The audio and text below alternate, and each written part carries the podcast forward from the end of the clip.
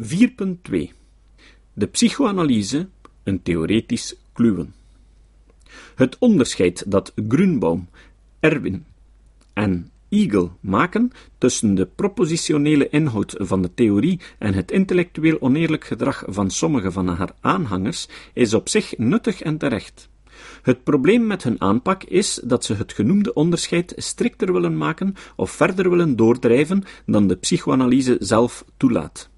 Grunbaum en co. zien de psychoanalytische theorie, en bij uitbreiding elke theorie, als een welomlijnde logische eenheid van proposities, die onherroepelijk zijn in het licht van de manifeste weerleggingen en die volstrekt onafhankelijk zijn van zij die de theorie beoefenen.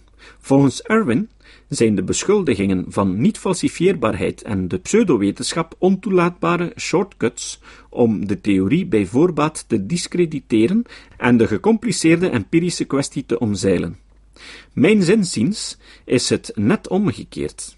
Door halstarrig vast te houden aan een strikte scheidingslijn tussen de theorie aan zich en de pseudowetenschappelijke kunstgrepen van haar aanhangers, ontwijkt Irwin de gecompliceerde veelgelaagde toestand van de psychoanalytische theorie. Het punt dat Grunbaum en Edwin volgens mij niet inzien, is dat er in de psychoanalytische onderneming geen consensus bestaat over wat van buitenaf wordt ingeroepen als immunisatiestrategie of wat als een legitiem, want theorie-intern manoeuvre moet gelden. Drie belangrijke factoren maken de afbakening van de psychoanalytische theorie en haar propositionele inhoud een precaire kwestie.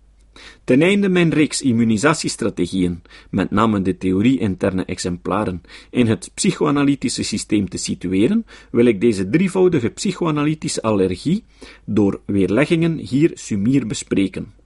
Het derde en laatste aspect in deze opsomming komt overeen met de groep theorie-interne immunisatiestrategieën die in de hoofdlijst van dit werk voorkomen.